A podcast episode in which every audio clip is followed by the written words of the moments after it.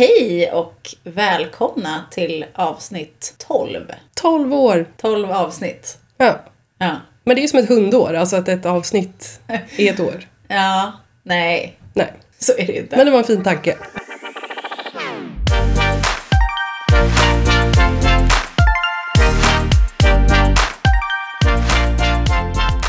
Nu är den en dag längre den här jävla månaden bara för att det är skottår också. Sen är det Tjena mittbena.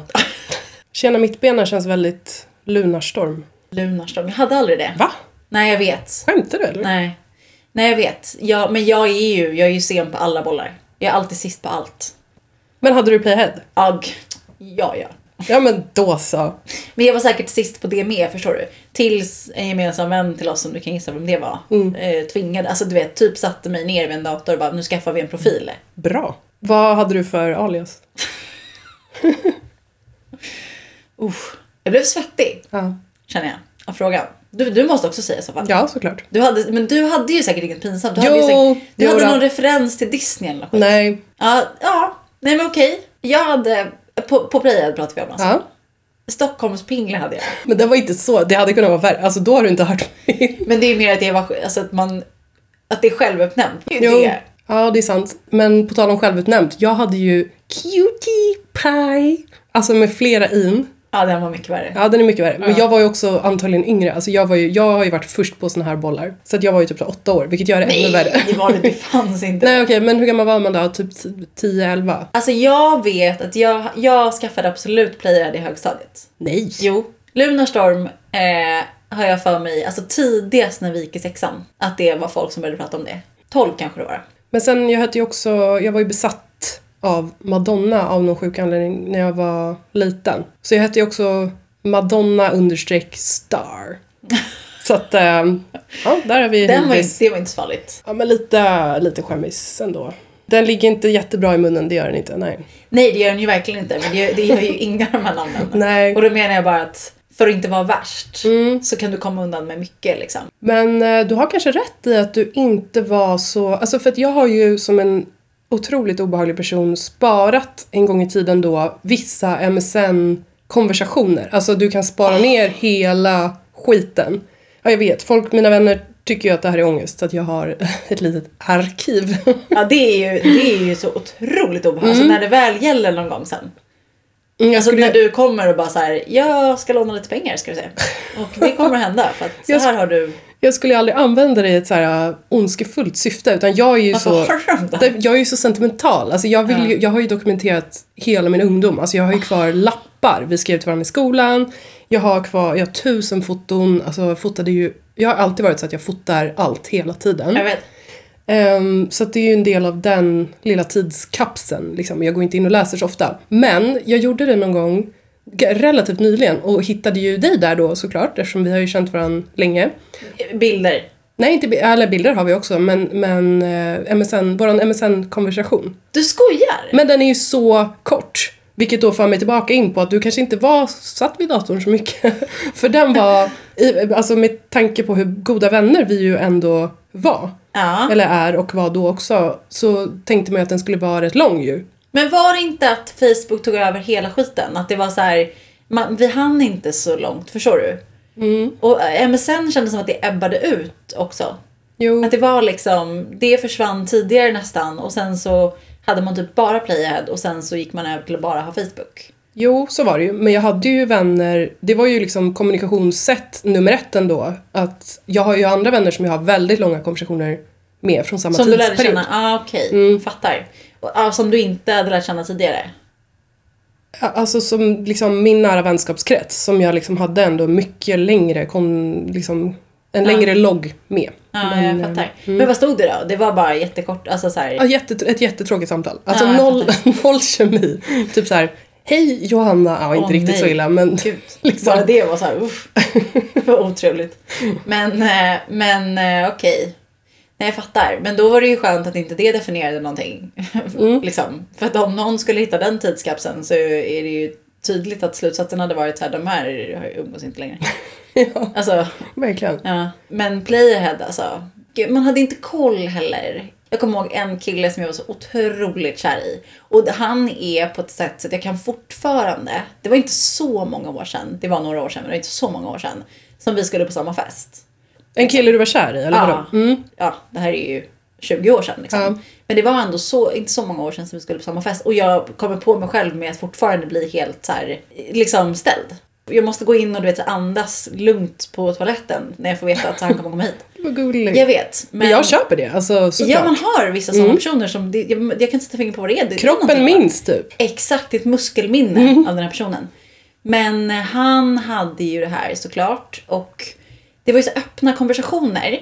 Och var det inte det så kunde ju På per head, meddelanden, ja precis, meddelanden kunde ju vara hemliga. Kommer du ihåg det? Just det. Men man såg ändå vem det var. Du såg att någon hade postat ett meddelande på någons profilsida eller vad det Precis, hette. och du såg vem som hade postat det. Så du kunde se vilka som pratade mycket med varandra. Precis. Du kunde inte se vad som skrevs bara. Eh, och då var, jag var inne på hans sida fem, sex Ja. gånger om dagen. Alltså det var man ju. Ja. Eller? Alltså, ja, absolut. Ja. Självklart. Just inte du bara, Jo, jo, jo. hjälp. Ja, och eh, det obehagliga här var att, kommer du ihåg när det kom VIP? Ja, vad var det nu igen då? Jo, då kunde du ju betala. Premiumabonnemang Precis, du betalade in en viss summa. på Per Playhead vecka ja. typ. Ja, du smsade in liksom Just någonting så drogs det från abonnemanget. Och då kunde du få tillgång till bland annat att se vem som har varit inne Nej. på din profilsida. Ah. Så att jag kommer ihåg att jag, du vet, en vacker eftermiddag efter skolan har ett meddelande från den här människan. Och då blir man ju så glad också. Nej, jag blev inte glad kan jag säga. Nej. För det som det står i meddelandet är bara så här. Gillar du min sida mycket eller? Nej. Men förstår du? För jag har ju varit inne, Ja. det, är, det är som att han bara, och han vet ju inte ens så här, vi gick i samma högstadieskola men han gick ett år över, han har ingen aning vem jag är. Nej. Så det var ju verkligen så här, okej, vad skönt, vad, gud vad obehagligt. Det finns en människa som trackar mitt liv, alltså så här, och vem är det? Åh, Åh gud vad stelt. Och vad svarar man då? Bara, nej. Nej, det var så fruktansvärt. Men det ledde ändå till bra saker. För jag kommer ihåg att jag svarade typ som att... Alltså typ som att jag hade gjort något fel tror jag. Jag tror jag svarade med så här, men gud förlåt, alltså så här... Eh, oh, gud förlåt, så här, jag ska inte... Alltså något sånt. Typ bad om ursäkt liksom. Och då, men då svarade han ändå så här... Nej, det behöver du inte göra. Alltså det, då blev det... Sen började vi prata. Jaha. Så det var liksom ändå en inkörsport till... Perfekt. Ja, till slut så blev det ändå... Var det ändå en bra grej. Då sitter man ju ändå hemma och bara, det löste sig ju Det löste sig fint, det där. fantastiskt bra. Ja, men, verkligen. Men just det där att det var så, det var så liksom volatilt. Alltså det var verkligen så här ett minfält ju.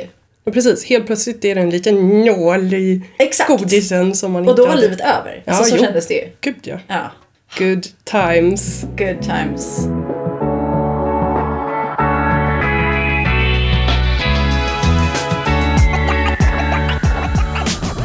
Vet du vad jag har funderat på? Är inte Sex and the City verkligen så här kejsarens nya kläder?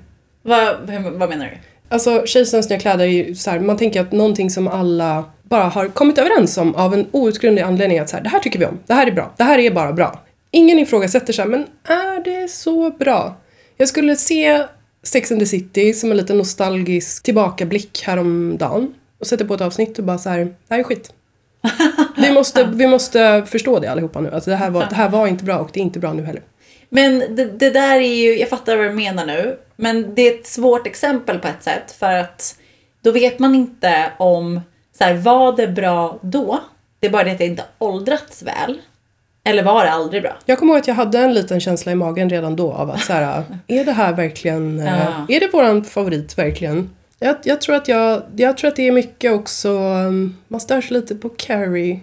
Det är då Gud, lite ja. störiga karaktärer, alla är lite störiga karaktärer. Tycker det är svårt att liksom, och det är inte så, de spelar, det spelas inte alltid så bra och liksom, ah, mm.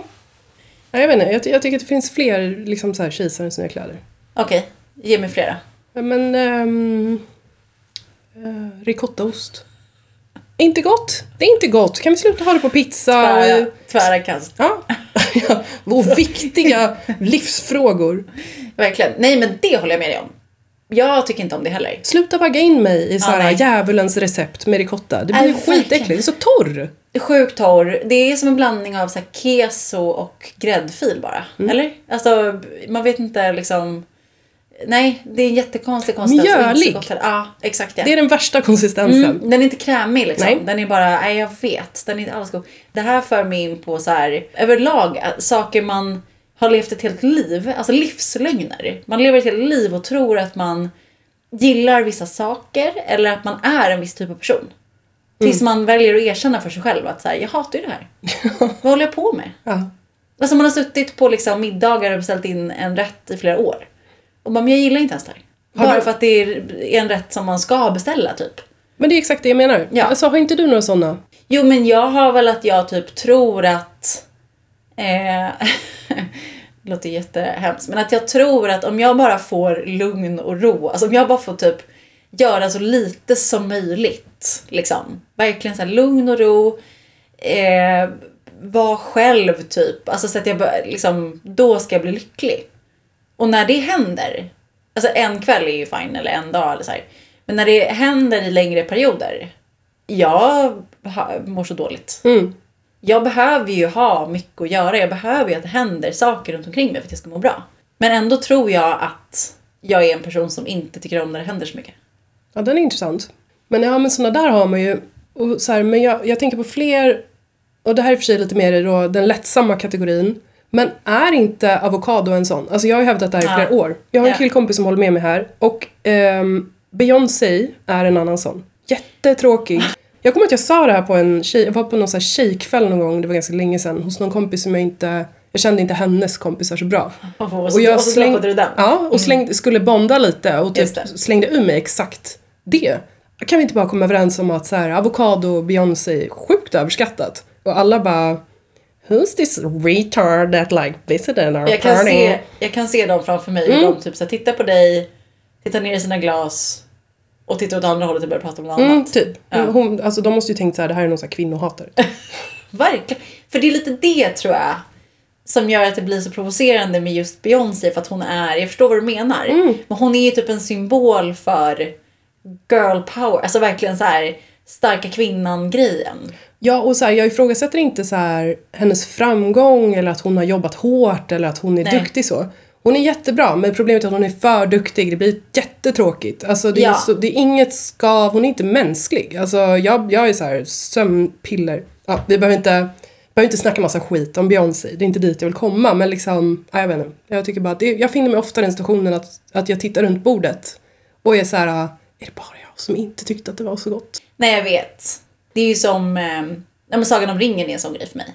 Fast den är, väl, den är, ju, den är ju jättedålig. Ja men den är så jävla dålig. Det är det tråkigaste liksom, dagen i mitt liv. När Men jag har varit med om, jag har på full, det var väldigt länge sedan för sig, men jag har verkligen på fullaste allvar varit med om att jag har sagt det i någon form av socialt sammanhang. Och det var en kille som satt bredvid mig som reste sig upp och gick. ja, men, jag, Han gick, han lämnade bordet. Ja, jag vet. Det är jättetabu. Men, men det är det jag menar. Varför kan vi inte bara säga att den är dålig? Den är ju jättetråkig. Jag har till och med försökt. Jag skulle aldrig ge mig på det längre för jag har försökt kanske tre gånger. Och jag kommer alltid till samma scen. Alltså jag kommer alltid typ alltid 20 minuter in. Tills jag bara så här. jag orkar inte. Nej. Jag orkar faktiskt inte för det är tre timmar kvar nu och jag vill inte. Men jag kommer ihåg att jag såg den här på bio. Också med typ så här, en kompis och hennes mamma eller någonting. Alltså det var så här, du kan absolut inte gå. Och att jag insåg den efter tio minuter att så här, det här är en mardröm. Ja. Alltså jag tittar på klockan och bara snälla liksom nu. Och så inser Men då jag. måste man ju bädda ner sig och försöka sova eller någonting så Mm. man får ut någonting av timmarna. typ att det är så att det inte bara var waste liksom. Den är så tråkig. Och det är ju tur att min kille inte lyssnar på den här podden för han hade gjort slut med mig. Ja, du ser.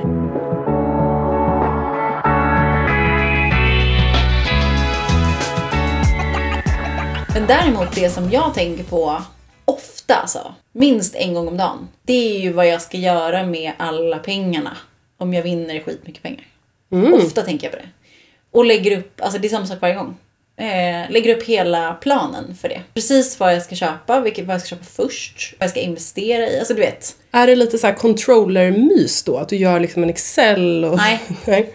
Eh, nej, så långt har det som tur är inte gått. Men det går ändå så pass långt att jag börjar, jag kan lätt börja gå in på Hemnet och liksom, ja men nu ska vi se. Vad har vi liksom? Eh, ja, kanske den, vi får se. Du vet. Gud vad roligt. Nej, inte saltis. Det är så Nej. jobbigt med den där banan. Verkligen. Ja, Det skulle vara om man har en båt. Ja, men då köper vi en båt. Eh, men så kan jag hålla på. Och liksom, okej, men skulle jag resa, det är väl det man gör va? Man, börjar, man kastar sig på planet egentligen direkt bara. Liksom. och så är man borta några månader. Jag, behöver, jag ska ju köpa en lägenhet och göra hela den grejen när jag kommer hem. Det behöver jag inte göra nu. eh, utan det är först, det blir bra och sen, och det här pågår så länge. Och då gör det så ont också. Alltså det blir sånt jävla slag i ansiktet varje gång man liksom... Loggar in på banken. Exakt! det skulle ju vara pengar här. Ja, varje gång man inser att just det, jag har inte vunnit pengarna. Går du då och köper en lott? Nej, jag är också en av de personerna som aldrig köper, alltså jag är aldrig med på något. Eh, Jag är ju aldrig med på något. Men jag är aldrig med i ett lotteri. Om du går och tänker så otroligt mycket på det här, var åtminstone med någonstans. Ja, du Alltså, kanske ska köpa en lott, ja. Ja, man kanske ska vara med då i något som har, alltså du vet att man alltid kör en lottorad varje vecka eller typ så här du är med i Postklot, alltså någonting. Mm. Eh, Universum försöker ju uppenbarligen påkalla ja, det skulle ju kunna vara någon som är skitförbannad och bara så här, men köp en lott då Ja. för helvete. så ska jag hjälpa dig. Liksom. Mm. Men du kan ju inte, jag kan ju inte bara swisha pengarna till dig förstår du. Alltså, det håller jag på med mycket. Ja, intressant. Har inte du någonting som du ägnar massa tid åt? Men inte- jag, jo, jag snör in på de mest random sakerna som jag också sitter och tittar upp allt kring. Läser på om, du vet, kollar på YouTube, tutorials. Alltså så här, jag, jag, men det kan också vara Ibland har man ju tur, eller att det kan vara något som, är, som gynnar mig. Att det kan ha något liksom, med marknadsföring eller så här, jobbet att göra. Eller typ börsen har ju varit en sån. Man sitter och liksom lär sig allt som aktier för några år sedan. Så här. Men det kan också vara hur man sköter om en ödla. Alltså så här, vad behöver du för, vad behöver du för typ av bur? Hur stor ska den vara? Bur också. Ja. Det är väl en terrarium i så fall. Ja men okej, terrarium, men så här, vad äter den? Hur länge lever den? Kan man Ja. kela med den? Hur får man den att kela med dig? Men hade du velat ha en ödla? Nej, Nej. absolut inte. Jag hatar reptiler. Ja, men det är det jag menar. Du är ju verkligen Ja. inte reptil. Jag vet inte, min, min hjärna får någon så här uh, snedtändning bara. Eller typ så här, nu, vi ska ju till New York och det jag ser fram emot mest, eller så här, ja, ekorrarna har vi pratat om, men det är också så här, Studio 54, den här legendariska nattklubben låg ju i New York. Ja. som eh, öppnade 78 eller något sånt där och blev liksom en kulturell discoerans, vad säger man, alltså som ett fyrverkeri bara som var Där helt, alla kändisar var. alla, alla kände sig, det var så väldigt, väldigt speciellt. Och eh, den, eh, den lokalen står ju kvar i all sin prakt liksom, men det har inte varit någon discoverksamhet där sedan ja, början på 80-talet typ. Men då har jag liksom bara snöat in mig på det här och det har jag gjort sedan jag var liten. Jag tittar upp allt. Det kostar alltså 1500 spänn typ att köpa en teaterbiljett för att få gå in i lokalen och titta på en så jättetråkig Broadway-show. Och jag är lite så här liksom sitter ju och säljer in det här nu till min sambo så här, att vi, vi ska ha den och sen så har de ett så här middagspaket som man kommer ner i källaren och äter. Och, du vet, så här, och han bara, varför ska vi lägga liksom 4000 kronor på det här för att få gå in i någon lokal som inte ens finns? Alltså, Nej. besatt. Då kan du använda de pengarna som du inte har vunnit då. Mm. Som jag sitter och tänker på. Ja! Ja. Så att sånt kan jag sitta och tänka, alltså så här, jag har ju några livslånga sådana besattheter, eller så här kriminalfall. Palmeutredningen är Gud, ja. det har du. Sitter och läser hela Flashback-tråden och sånt där. Just det. Mm. Så det är ju mitt Roman Empire. Det är ju en massa Gud, sådana ja. konstiga grejer.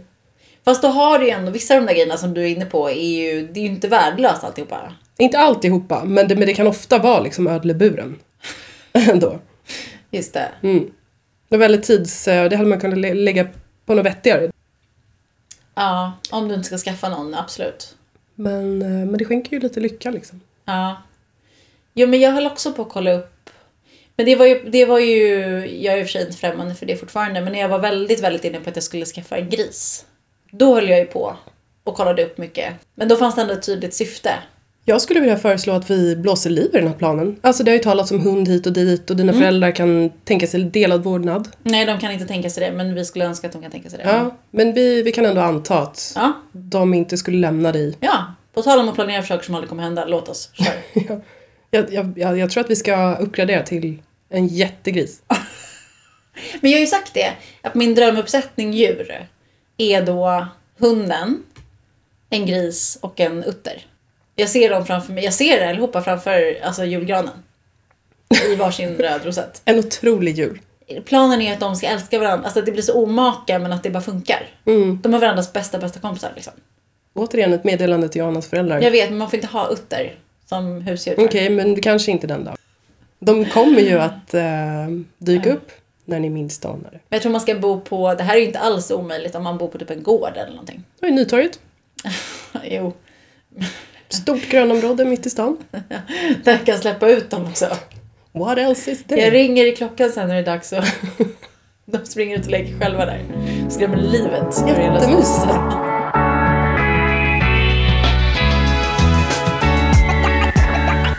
Men idag ska vi prata om presentationsteknik. Vilket är kul. Och eh, vi har varit inne på det lite tidigare att både du och jag presenterar ju mycket i våra jobb. Jag som jobbar på reklambyrå och du som är controller. Jobbar Mm. på finans... Vad säger man? Jag höll på att säga finansdepartementet. Där jobbar jag. Ja. Nej det gör jag inte, men jag jobbar på eh, ekonomiavdelningen. Mm. Vi tänkte ju att vi skulle gå igenom dels såklart lite tips på hur man presenterar bra men också hur man kanske hanterar nervositet som ju ofta kommer med att tala eller hålla föredrag eller hålla i presentationer, stora som små. Tycker du om att, att hålla presentationer? Ja, jag har lärt mig att gilla det igen från att jag var liten, när jag var liten var jag liksom teaterapa AB. Gick på teater, levde och andades så här, titta på mig, på stå på scen och så här. Men sen eh, i gymnasiet så dog ju det direkt eh, med tanke på hur det var att presentera i den klassen liksom. Just Det det. var inte kul. Eh, och sen då, sen, ja, i och med mitt yrke så har jag fått träna mer och mer på det och blivit bättre och bättre på det under årens gång och därmed också tyckt om det mer och mer ju bättre man blir. Mm. Själv då? Vad har du för relation till? Nej men jag tycker också att det är jätteroligt. Det gör jag verkligen. Men det är som du säger, kanske inte... Det var en helt annan sak då också, men kanske inte nödvändigtvis i... När man gick i skolan så himla mycket. Nej. Då var det ju liksom, och då, men det var ju också för att man inte kanske tyckte att det var så himla kul det man skulle presentera. Då var man ju tvungen att göra det i olika ämnen. Ja, du blev påtvingad ja. Ja, men precis. Och så skulle du prata om något som man egentligen kanske inte tycker är så himla kul själv heller. Då är det alltid svårare att lära sig det också, om man inte tycker det är roligt. Så då blir man osäker bara av den anledningen, att man inte är lika väl förberedd. Eh, så det kanske inte var så konstigt. Men nu tycker jag att det är, allra oftast i alla fall, väldigt kul. Jag gillar ju att men så här, uttrycka mig överhuvudtaget. Det är ju lite som att, bland annat därför vi har en podd. För att vi tycker det är kul. Har du tyckt det då från start liksom? I ditt yrkesliv så att säga? Eller har du också så här jobbat upp det eller hur liksom? Nej, jag har nog tyckt det. Från start tror jag. Faktiskt. Jag, alltså det var absolut mycket mer nervöst i början. När man inte hade gjort det så mycket. Sen har jag nog haft lite så här fördelen att presentera inför grupper där jag känner mig bekväm. Man, man känner ju inte alltid alla. Men det är ändå en, eh, en grupp som man arbetar tillsammans med. Det är sällan det är fullkomliga främlingar som jag presenterar för. Så att där har jag nog alltid känt mig trygg. Med en sån grupp kan man ju prata sig igenom det man ska presentera om du förstår vad Mm. jag menar. liksom. Ja, men jag tänker det här med, för du var inne på det med, med nervositet. Att det är oftast det som kan göra att det blir jobbigt. Eller att man inte tycker att det är så roligt. finns säkert de som bara tycker att det är tråkigt också. Men det känns ju som att det framförallt handlar om att man tycker det är lite obehagligt om man inte gillar att hålla presentationer. Ehm, och jag tänker att i jobbet eh, så känns det som att det oftast i alla fall är så att du presenterar ju det som du kan bäst i det här rummet. Eller av dem du ska presentera för. Så att det är ofta någonting som gör att man blir lite lugnare. Att jag kan en, liksom det jag ska presentera är ändå någonting som jag har bättre koll på än någon annan. Så att oftast så är det ju inte så att det är någon som kommer att avbryta och tycka att eh, det liksom inte stämmer det man säger eller att man säger fel eller så. Eh, det tycker jag är en viktig grej att försöka komma ihåg. Ehm, Där är ju, har ju vi ett oturligt undantag, för det stämmer ju verkligen som du säger i liksom 99% men just när man jobbar med reklam så är det ju tvärt, alltså det kan vara lite tvärtom att du presenterar för en kund något vi ska göra för deras varumärke och då kan det ju vara att vi, vi är ju konsulten och experten på kommunikation och marknadsföring men vi, vi är inte, det är inte alltid man är mer påläst på varumärket än vad kunden är. men det är klart. Det Det är, är, så klart. jäkla liksom, ja, det tipset gäller inte alltid för oss helt enkelt. Nej men det är sant. Okej, jag fattar. Men å andra sidan så Alltså det handlar väl ändå om att presentera idéer som ska vara lite så unika för vad ni har kommit på utifrån vad ni kan väldigt väl. Och det är därför kunden vänder sig till er. Absolut. Och sen är det ju också så att när teamet en och en liksom pratar under presentationen, då pratar man ju som du säger utifrån sitt expertområde. Så här, jag är Ja. strategen, så jag kommer att prata om strategin. Och, så att det är sant, det är ändå eh, på individnivå så, Ja, så är det, då är man experten, absolut. att man kan lägga tyngd på det. Mm. Liksom. Känna sig, man ska kunna känna en trygghet i det. Ja, för jag tänker också att det är lite... Man har ju oftast ehm, en idé om upplägget på det man ska presentera. Vad man ska säga, vad man vill få med och vilken ordning och sådär. Eh, och blir man nervös, alltså desto mer nervös man är det blir, desto större kanske risk för att man missar någonting eller ja, sådär. Och då känns det lite som man brukar säga när man typ ska spela upp, som att man gör det speciellt ofta, men du vet om man ska spela upp en pjäs eller någonting. Ja, men det är Så, som man gör. som man gör. Nej, det kanske är för att jag lyssnar på intervjuer, typ folk som gör det. Eller något. Eh, men där det är lite så här, det, det, publiken har ändå inte facit. Så det är ändå inte så att de sitter och tänker att så här, fast nu när du har sagt det här skulle ju den här delen komma. Nu, nu har du glömt det. Alltså det är ändå du som kan upplägget bara. Så att man får inte liksom, det kan typ inte bli fel. Nej. Liksom. Utan det blir, det blir vad det blir. Det kan vara lite lugnande bara. Och komma ihåg det. Sen självklart så händer det ju att man presenterar eh, för kanske en grupp chefer eller någonting där de är väldigt duktiga på precis det som man ska prata om. Och då blir jag också lite extra nervös. Såklart. Ja, för att där är det just det där att de eh, skulle absolut kunna ifrågasätta någonting. Eh, ja men okej, men eh, du pratar om det och det, men jag tycker snarare att det här ser ut som den här typen av trend eller vad det kan vara.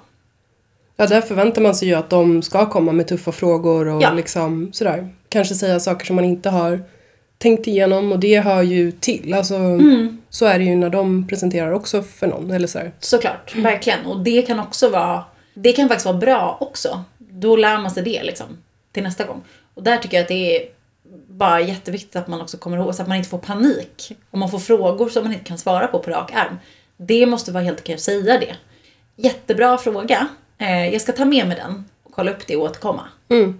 Så att man inte blir ställd eller hittar på någonting eller liksom bara får svara på, på plats. Nej, exakt. Där ska man inte vara rädd för att vara så här. Vet du vad, bra fråga. Jag, jag svarar inte nu för jag vill inte säga fel. Utan jag ska, jag ska återkomma till dig med exakta siffran på det. Eller vad det Ja. nu kan vara. Liksom. Ja. Sen tycker jag att det som, för mig i alla fall, är jätteviktigt för att jag ska känna mig avslappnad. Speciellt då om det är många som är fysiskt närvarande.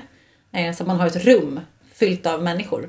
Att försöka skapa liksom en kontakt, någon typ av connection eller relation till de man pratar med. Det är det som får mig att slappna av och gör att det känns, det blir roligt då. För då blir det mer som att man har ett samtal. Alltså antingen kan man ju uppmuntra till interaktion, alltså ställ gärna frågor. Eh, man kan ställa frågor öppet till de som lyssnar. Ja men bara så här, hängde alla med på det, på det där liksom? Makes sense? Alltså så att man så här få med sig folk lite. Och har man någon som, någon eller några som man känner lite extra så kan, tycker jag att man alltid kan liksom lite så här, ja men nu ska vi prata om, om den här delen, jag vet att det här är ditt favoritämne eh, och vända sig till någon lite grann. Så att det blir lite avslappnat. Så att det inte bara känns som att man ska stå där uppe och hålla låda hur länge som helst och alla stirrar på den. Ja, och så är det ju när man ska kommunicera vad som helst. Alltså ett be- beprövat gammalt knep är ju att man öppnar med typ en kort historia eller någonting så att de som lyssnar är, känner att så här, det är för mig. Ja, Det är ju liksom, det är ju grunden i marknadsföring och all kommunikation egentligen av alla slag. Att man liksom, man har en liten hook i början som drar in folk. exakt. Och sen så här, sist men inte minst, om man känner att man har liksom lite panik, alltså att man verkligen är supernervös när man ska gå upp. Jag tycker som vi har varit inne på i andra sammanhang att så här, men sätt ord på det, alltså säg det då. Man kan göra det, man kan ändå gå upp och säga liksom oj gud wow, jag, uh, oh, blir lite nervös nu när jag ställer mig och ska presentera inför alla er. Eh, men det ska säkert gå bra. Eh, jag ska bara ta ett djupt andetag här. Alltså, jag, tycker, jag vet inte vad du tycker, jag tycker inte att det är konstigt. Nej, det är väl alltid bra att ta ner det på en mänsklig nivå. Man kan fortfarande vara proffsig, alltså göra det på ett bra sätt. Man kan ju säga liksom också återigen använda det som storyn för att få folk att lyssna eller känna att de kan relatera till en och det man ska säga. Att vara så här, ja visst får man lite puls när man ska prata inför så här många människor. Alltså jag tror alla som Exakt. sitter i rummet kan känna med och att det bidrar också till att man lyssnar mer. Ja men för det blir, precis som du säger, det blir ändå att man relaterar till den personen på en gång. Och det känns lite, eh, folk kan haja till. För att det är lite utanför ämnet, det var inte väntat. Eh, så man får också en kontakt direkt. Det tycker jag absolut att man kan göra. Och det brukar ändå göra att man lugnar ner sig, att man får sätta ord på det. För annars blir det dubbelpress liksom. Du ska också låtsas att du inte är nervös. Den kan bli jobbig och jag tycker också att ett bra tips just på nervositet om man vet med sig att man brukar bli nervös precis innan det är att du rör dig upp på scenen eller vad det nu är någonstans i lugn takt. Du kan lura kroppen att den är lugn. Men sen är det väl fortfarande bra som vi var inne på att man verbalt kan man ju, behöver inte dölja att du är nervös. Men det finns också fysiska sätt att så här, lugna ner systemet lite på. Så här, om du vet med dig att du blir lite skakig Undvik då att stå och hålla i ett A4-papper utan se till att du har något bakom, alltså att du preppar upp lite grann. Liksom. Be att få börja kan du få göra om det är flera olika inslag där du har ett eget så att du slipper sitta och vänta på att liksom, det ska bli din tur och du hinner bygga upp den här pulsen. Liksom. Också så här, ha lite såna, försök ha lite såna eventuella naturliga pauser under tiden man presenterar också. Alltså man kan alltid, det beror på hur länge man ska presentera, men om det är en, en del eh, olika liksom, sektioner, då kan man ju ha efter varje att man är lite såhär, är det någon som har frågor så här långt? Är det någon som har frågor på den här delen? Och medans man lämnar ett litet, det kanske inte kommer några frågor, men då får du väl vara tyst i 10 sekunder eller 5 sekunder. Då kan man ju ha så här att man tar typ lite vatten. Alltså, ta en, då hinner du andas lite, man hinner så ladda om eh, och få i sig lite vatten. Alltså det kan också räcka för att så här, oh, så, nu går vi vidare. Alltså, Vatten är jättebra. Alltså, Ja. Det är ju verkligen ett måste typ. och det blir, inget, det blir inte konstigt, det blir bara ett naturligt break. Det kan vara lite skönt eh, också. För de som lyssnar, att man inte bara maler på. Liksom.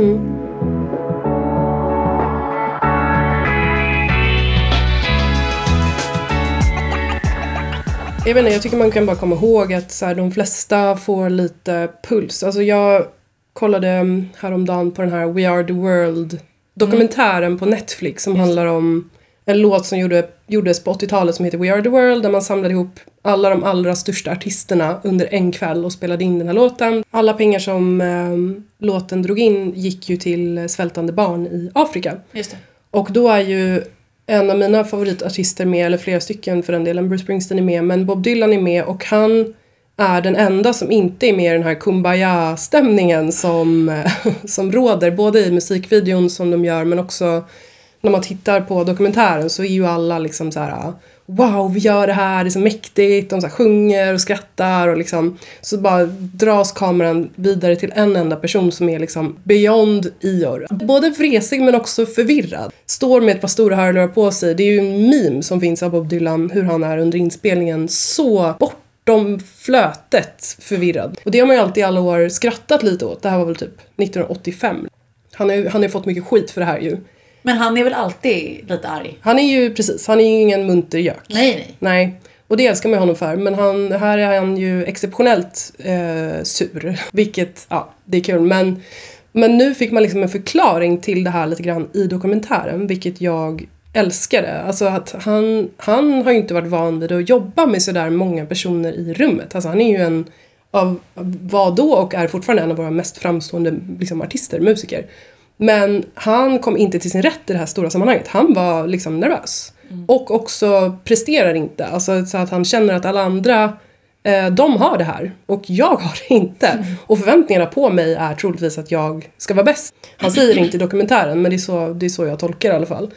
Så att det de gör är att de låter alla andra artisterna gå ut. Det är någon briljant jävel i det här sammanhanget som ser det här och skickar ut alla de andra artisterna och låter honom få göra sin grej själv.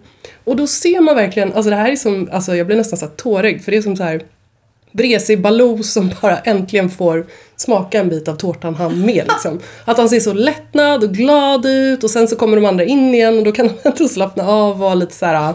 Man, man ser hur han bara är så lättad. Just det, men det var inte läge för någon kram inte. Nej, det är så långt tror jag inte han gick. Men att han var lite så här, han, säger, han sjunger in sin del och säger så här, ja du var väl inget bra. Och någon bara, du satte det på första försöket. Och ser man han bara lyser upp. Det är så fint. Till och med Bob Dylan kan bli nervös. Ja. Känner inte du hur du får tårar i ögonen? Nej, men jag har inte den här relationen till honom. Nej, det är för att du inte har sett dokumentären. Nej, eller inte lyssnar så mycket. Alltså jag, jag, jag är inte lika stort fan. Så. Nej. Ehm, jag har ju sett honom live en gång. Mm.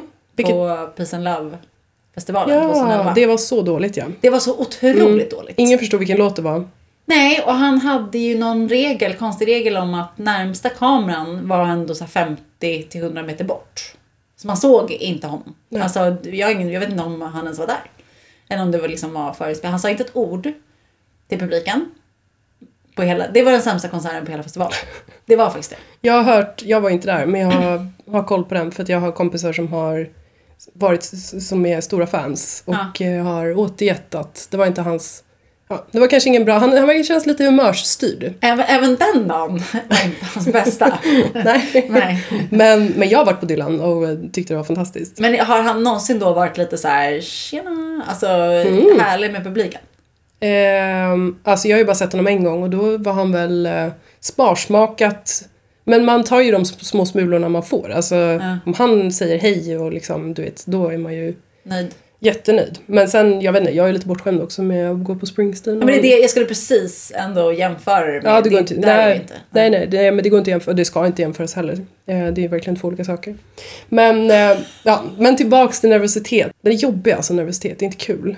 Det känns, nej precis, och det är väl som med så vissa saker att det går, hamnar man där så går det inte att få bort det helt. Nej. Eh, tyvärr. Men man kan ändå göra vissa saker som gör att det blir uthärdligt Mm, under den tiden man måste stå där. mm, Ehm, men om man ändå lyckas, så här, förutom, förutom nervositet då, alltså om det inte är det som är det största problemet, utan att man är lite så här, vad ska jag, liksom, hur ska jag fånga de som ska lyssna på det här? Alltså hur ska man göra det lite intressant? Mm. För det är också svårt, alltså man vet ju själv, det, även om det är jätteintressant det man ska lyssna på när någon annan presenterar, det kräver lite grann att man ska hålla koncentration under en längre tid och du ska liksom ta in allting. Ehm, och då känns det ju som väldigt självklar grej som de flesta vet, men så, här, så lite text som möjligt bara. Du sitter ju inte och läser vad någon annan presenterar. Nej, Ehm, har du en skärm precis så ska det vara visuellt tilltalande lite text. text men att man har Exakt. någon slags talmanus som inte behöver stå på skärmen. Nej, exakt. Mm. Nej men verkligen. Det får du ha för ditt eget i så fall. Ehm, nej men och sen bara liksom så mycket annat så visual aids som möjligt. Alltså beroende på vad man då ska presentera. Men så här bild, film, alltid jätteintressant ju. Om det finns lite sånt. Eh, eller i mitt fall ha liksom lite figurer och annat som kan underlätta, alltså som kan hjälpa till att förklara. Eh, så att det blir tydligt vad man försöker förmedla. Och sen det som jag tycker är bäst, som jag alltid uppskattar om jag lyssnar på någon annan, eh, och då jag alltid brukar haja till. Alltså om man har zonat ut på någonting så är det här som man fångar upp folk igen. Att använda exempel eh, som man kan relatera till. Alltså för case eller exempel. Då du applicerar allt det som du precis har presenterat och pratat om. Men som gör det mycket tydligare. I vilken situation är det här aktuellt? Alltså hur... eh, ja men någonting där, där man säger aha. Nu förstår jag att det här gäller det jag håller på med också. Jag kan relatera till det som du pratar om nu. Ja men verkligen. Och, och liksom att eh, visuellt stimulera olika typer av sinnen. Alltså du var inne på bild och film och figurer. Och det kan ju också vara om man sitter i ett rum, så här, du har, att man har grejer framför sig som man har lagt ut. Sitter grejer på väggarna. Alltså ju fler sådana liksom, variationer av det visuella som du kan få in desto, desto svårare är det ju att tappa koncentrationen. Liksom. Ja, om man inte håller en stor presentation utan du snarare typ leder en workshop eller något där det är lite mer avslappnat. Jag älskar ju att så här, alltså rita och skriva, alltså du vet att det finns typ en whiteboard. Mm. Ja, du är en sån. Ja, det är inte alltid. Men ibland kan det vara otroligt skönt för hjärnan att Ja, bara ja. få så här, "Ja, men nu, vänta lite, vi ritar upp det här, vad är det vi Mm. har liksom? Eh, och jag tycker om när andra gör det. Alltså om det är något man ska lösa. För att det, det är också en sån grej som rycker ur en, att det inte bara är någon som står och pratar. Jag älskar ju det, att, som jag var inne på innan också, just interaktion. Mm. För då blir det, det tar också fokus från en själv lite. Det blir naturliga avbrott från att det bara är alla blickar på mig liksom. det är ju lite listigt också för att du måste ju hålla dig vaken då om du sitter och lyssnar. Då kan du ju inte sitta och sova liksom, för det kan ju hända att du får en fråga. Alltså du, då gäller det ju att hänga med liksom. Ja, Och det är ju alltid roligare att hänga med. Alltså jag vet att um, kronprinsessan Victoria sa i någon intervju någon gång, hon fick frågan så här, hur håller du dig vaken? ja. När under alla grejer som hon måste delta Det på och sitta och lyssna. alltså. Och hennes svar är ju så här att ehm, hon själv hade fått tipset att så här, jo, så som du håller dig vaken är att du lyssnar och hänger med. För att det blir faktiskt på riktigt roligare då. Jag vet. Årets pluggis-svar, men Ja, för den är ju lite så här, men det är väl det alla försöker och så, så lyckas man inte och så lyckas, alltså, tappar man det ändå och zonar ut. Alltså Mm. det var ett konstigt tips på ett sätt tycker jag. ja, Och framförallt så finns det ju massor med bevis på att de inte all- alltid håller sig. ja det är sant. så är att sant. Det känns snarare som att ett ärligt svar hade varit lite så här, det gör vi inte alltid, det är omöjligt. Ja, Men det jag försöker göra. Och då hade man ju nästan förväntat sig att hon sitter med typ en liten nål i fickan. Och gör illa sig själv för att hålla sig... det kanske hon gör. Det kanske är ett jättebra tips. Ja, Inte när man själv presenterar. nej. Uppträder jätteförvirrat. Nej, det här är ju mer Aj, jag är...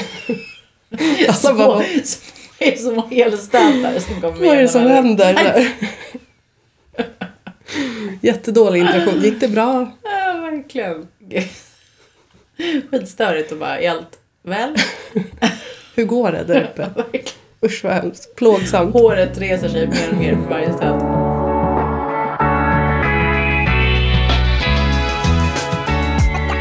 Både du och jag, vi presenterar ju mycket jobbet. Vi har ju många liksom hacks. Men eh, jag tänker att vi kanske inte går in jättedjupgående på dem. Alltså, vi har varit inne på de mest väsentliga ju. Det här visuella, interaktionen och lite sådär. Så det är ju bara att träna på det. Alltså, har man möjlighet att träna i mindre grupp har man känt att så här, jag vet inte riktigt om jag kommer fixa det här som jag ska göra nu liksom, i presentationsväg. Då får man ju liksom se till att, man måste nog se till att lösa det på något sätt då. Alltså att Ja. ehm, utsätta dig för det, ja, men utsätt dig för det i andra sammanhang där det inte är så farligt om det blir fel. Du kanske ska testa att hålla tal på middagar eller Just det. Ett inte. tal i så fall i ett sammanhang där det inte gör så mycket om det blir fel. Ja, Så man ska inte börja på bröllopet liksom. nej, kanske inte svärmor och svärfars liksom. Eh, Guldbröllop. nej. nej, precis. Men eh, annars så är det ju KBT som gäller. Tror jag. Alltså att, ja men rent krasst alltså om, om, du, om du behöver leverera på det här och du känner att du inte fixar det. Då, då, Mm. då finns det ju sätt att liksom ehm, lösa det på. Jo, absolut. Ehm, nej men, och bara en som slog mig. Att försöka ha, alltså om man har en person som, som ska lyssna och ska vara med. Eh, som man litar på lite extra eller så här, som man kan prata lite mer med. Eh, att i alla fall säga till den personen att så här, jag är så otroligt nervös för det här. Jag, kom, jag kommer titta på dig ibland. Alltså att man har en person man kan så här, vända sig till lite. Så att man blir lugn. Alltså som också vet om att så här, men jag vet ju att du är stressad. Du kan, kommer kunna titta på mig och jag kommer, alltså att ha någon som så här nickar med i allt man säger. Så att man får en känsla av att det jag säger verkar vettigt här och folk förstår och tycker det är intressant. Eh, det kan vara skönt att ha en sån person som man har bestämt med. Liksom. Att okej, du kommer sitta där, jag kommer kunna vända mig mot dig. När jag var toastmaster på det här bröllopet som vi båda var på till exempel. Då sa jag till en massa människor innan. Du applåderar, det gör du bara. Så, så fort du säger något som du tror eh, ska vara roligt. Då är det du som skrattar. eh, ja men lite så. För Ja. att man bara ska kunna ha några som man i så fall kan vända sig till. För att bli lite lugn liksom. Jag tycker det är ett jättebra tips. Att man känner att man har liksom sitt lilla team Ja. med sig. Och då kan ju den personen också vara, alltså hade någon sagt så till mig på jobbet. Då hade man ju kunnat känna in också så här. oj nu börjar personen eh, svamla till det lite grann. Eller man, man börjar uppfatta att så här, nu, kanske, nu kanske personen är lite nervös. Då kan man ju också i de allra flesta sammanhang tror jag kanske sticka in med en fråga just Exakt, där. Ja men verkligen. Och då inte så att ställa en fråga som ska ställa en person mot väggen. Utan mer bara så här. Ytterligare en nål i... nu passar jag på nu. Nu är det som lägst. Nu jävlar. Nej, nej precis. Nej, mer att man i så fall. Gud vad intressant det här som du pratade om nyss. Eh, mer som en kommentar. Att man stjäl lite fokus liksom. Ja. Under en liten stund där. Det tycker jag är en jättebra livlina att ha om man känner att man börjar få väldigt mycket puls. Att, att du, Ja. du, för det är ju det man är rädd för när man är nervös. Det är ju att man ska hamna i ett läge där man har så mycket puls att du inte kan prata ordentligt. Det är ju det som är Precis. skräckscenariot. Då tycker jag att det där är perfekta livlinan. Och, eller som du var inne på tidigare, att då slänger man ut en öppen fråga. Ja, Är det någon som har X? Bla bla bla. Ja. Är det någon som känner så här? Eller kan någon ge ett exempel på hur jobbar ni med vad som helst liksom? Bara för att få ett, en stund att Ett litet andrum. samla ihop sig. Bra. Ja men i, ja, i grund och botten är det ju inte så farligt. Det ska ju verkligen inte vara det att presentera. Nej, det ska det absolut Nej. inte vara. Sen är man ju olika, det är inte alla som gillar det, punkt slut. Men Mm. det är ju väldigt skönt om man kan komma till om, om man kan komma till att börja känna att det är lite kul. För då är det, det är rätt roligt alltså. Om man kan tillåta sig att komma dit liksom. Ja, det är framförallt en väldigt stor tillgång för en ju. Mm. Alltså i väldigt många olika sammanhang om man eh, bemästrar det. Ja, och ändå kan känna att man kan ha lite kul under tiden. Då är det ju roligt. Ja men eh, kul att eh, prata prestationsteknik. Det låter, det låter inte så kul man säger så. Om det är någon annan som sitter på något mästartips mot nervositet eller presentation, pre att presentera så är vi ju eh, supernyfikna på det. Ja, verkligen. Ja, nästa vecka tänkte vi skulle prata om eh, imposter syndrome. Kan inte du bara eh, definitionen på det där? Definitionen av imposter syndrome är väl att man känner så här, när ska de komma på att jag inte kan någonting? Det är en väldigt vanlig grej som eh, folk går runt och tänker på de allra flesta arbetsplatser. Kanske framförallt folk i höga positioner. Just det. Men egentligen lite låg självkänsla och lågt självförtroende kopplat till prestation. Man tycker att man egentligen inte kan så mycket som man borde eller som andra tror att man kan. Vi har till och med blivit ombedda att prata om det här. Ja, precis. Vi har fått önskemål om det. Just för att så, så många kan nog verkligen känna igen sig i det här. Det tror jag verkligen. Jag vet att jag kan det i alla fall. Jag med. Och det känns som ett jätterelevant ämne bara. Ja, jag längtar redan till eh, nästa vecka när vi ska prata om det här. Det är så kul ju. Ja, det finns så mycket att säga om det. Nu då, vad ska du göra nu?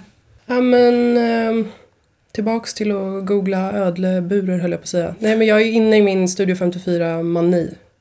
Så att jag, eh, jag hyrde ju en dokumentär igår också på SF Anytime om Studio 54. Det låter skitdyrt hela upplägget. Nej. Alltså du har hyrt in grejer, du ska boka... Alltså så här, Fem, 49 spänn kostar det. Men sen har jag ju filmen framför mig. aha. Mm.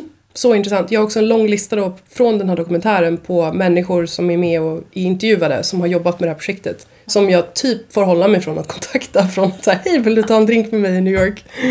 Jag vill höra allt. Det Du kommer så här, sluta med att din sambo behöver inte följa med överhuvudtaget. Du åker på egen... Så här, jag har tyvärr inte tid. Eh, Jag har planer nu, eh, varje kväll. jag stannar kvar. Ja. Ja. Jag försökte ju först sälja in att vi skulle ta en liten New Jersey tour och eh, gå i Bruce Springsteens fotspår. Han är ju därifrån. Han bor Är han från- därifrån? Mm, de bor ju där också. Så att, men det flög inte så jag tänker att kanske det här kan locka. Vad skulle hända om du stötte på honom? Nej jag vet inte, jag hade ju hoppat upp i hans famn och typ slickat honom i ansiktet. Alltså så jag hade ju liksom, jag hade... Som en hund. Ja, exakt. Exakt så.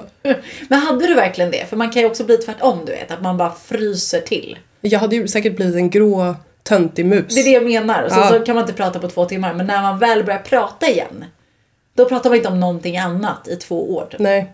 Och så skulle det tas någon bild, då hade man ju varit som så här. äh, Det hade varit den vidrigaste bilden som någonsin har tagits, säkert. På en själv. Jo men så är det alltid. Mm. Så är det, för du har en chans. Så då är det inte läge att säga nej jag ska bara Nej, byta om. Men du hade gått, är du säker på att du hade gått fram? jag hade inte kunnat inte gå fram. Liksom. Nej. Alltså, men du vet inte vad du hade sagt? Det är inte så att du har liksom en så här... Nej, men han är ju, han är ju så gosigt eh, snäll. Så han hade ju säkert bara så här, come here. Det vet man inte. Jo, Vet du inte hur han är privat? jo, det vet jag. Han är ju, han är ju mysfarbror AB. Alltså han hade ju välkomnat mig. Folk kan ju framstå som det. Mm, men han är det på riktigt. Jaha. Men har inte du någon sån där äh, liten kändis idol? Jättemånga. Westlife? Mm, Nick Carter framförallt. Mm, det kan bli svårt. Varför då? Han har ju coola pippat. Nick Carter inte. Jaha, nej, okej. Är brorsan. ja, just det. Det kan bli svårt. Varför skulle det bli svårare än Bruce Springsteen? Ehm, annars är det jätte, jättesvårt.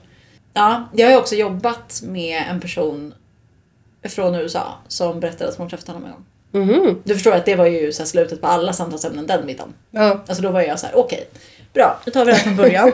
Eh, jag vill veta när det var, hur det var, vad sa Ja. han, vad sa han inte? Alltså det var verkligen så här, hej då.